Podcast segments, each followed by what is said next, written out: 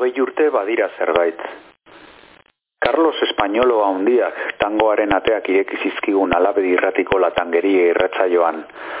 Eta tango haietako batetik ikasi genuen hogei urte ez direla ezer.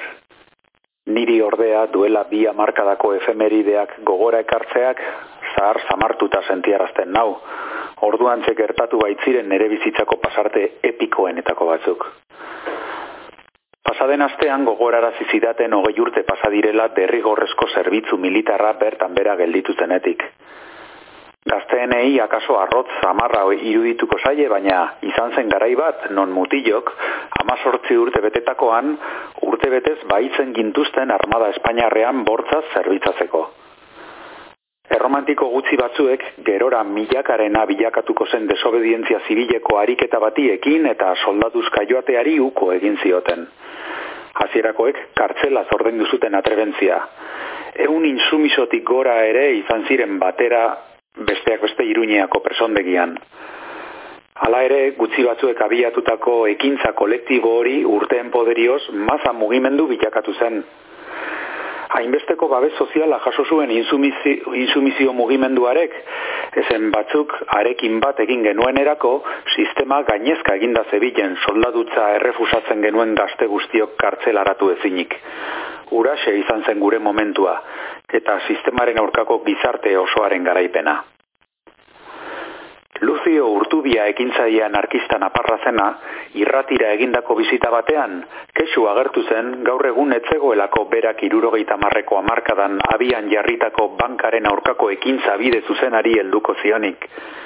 Nik orduan erantzun nion, hori, zitibankeko bidaia atzekeak eskus faltsutuz munduko banka kolokan jartzea alegia, bere garaian baino ezin zela egin gaur egun dauden gizarte kontrol baliabideak direla medio ezinezko izatekela. Eta nago gaur egun duela hogei urteko insumizio mugimenduaren moduko desobedientzia zibileko estrategia masibo bat ere ezinezko alitzatekela. Beste garai batzuk ziren. Legebiltzarreko esietara lepotik lotu, kaleak baimenik gabe hartu, zubi altuenetik zintzilikatu, gobernu militarrera pintura jaurti edota alkatearen bulegoko besaulkira kateatzen ginen, eta ordainean makilkada batzuk jaso eta kontatzeko historio epiko bat eramaten genuen etzera. Prentzari deitu eta kasetariak bidaltzen zituzten ekintzen berri jasotzera eta gero kontatu egiten zituzten. Gero baina zigor kode berria ezarriko zuten, eta arekin batera izunak, eta kaleak erabiltzeko debekua, eta desobedientzia mugimenduaren ukazioa edabide hegemonikoetan, eta joku esparrua aldatu egin ziguten zer ez hoteli guketen leporatuko gaur egun duela hogei urteko ekintza zuzen horietako bat burutuko bagenu? Urase izan zen gure momentua, eta momentu horretan baino ezin zuen zentzurik izan borrokaarek. Ezen bidaiatzekeak faltsutzeko garaia, horrek etzuken funtzionatuko. Eta nago orain ere ez dela duela bi amarkadako borroka estrategiak funtzionarazteko garaia.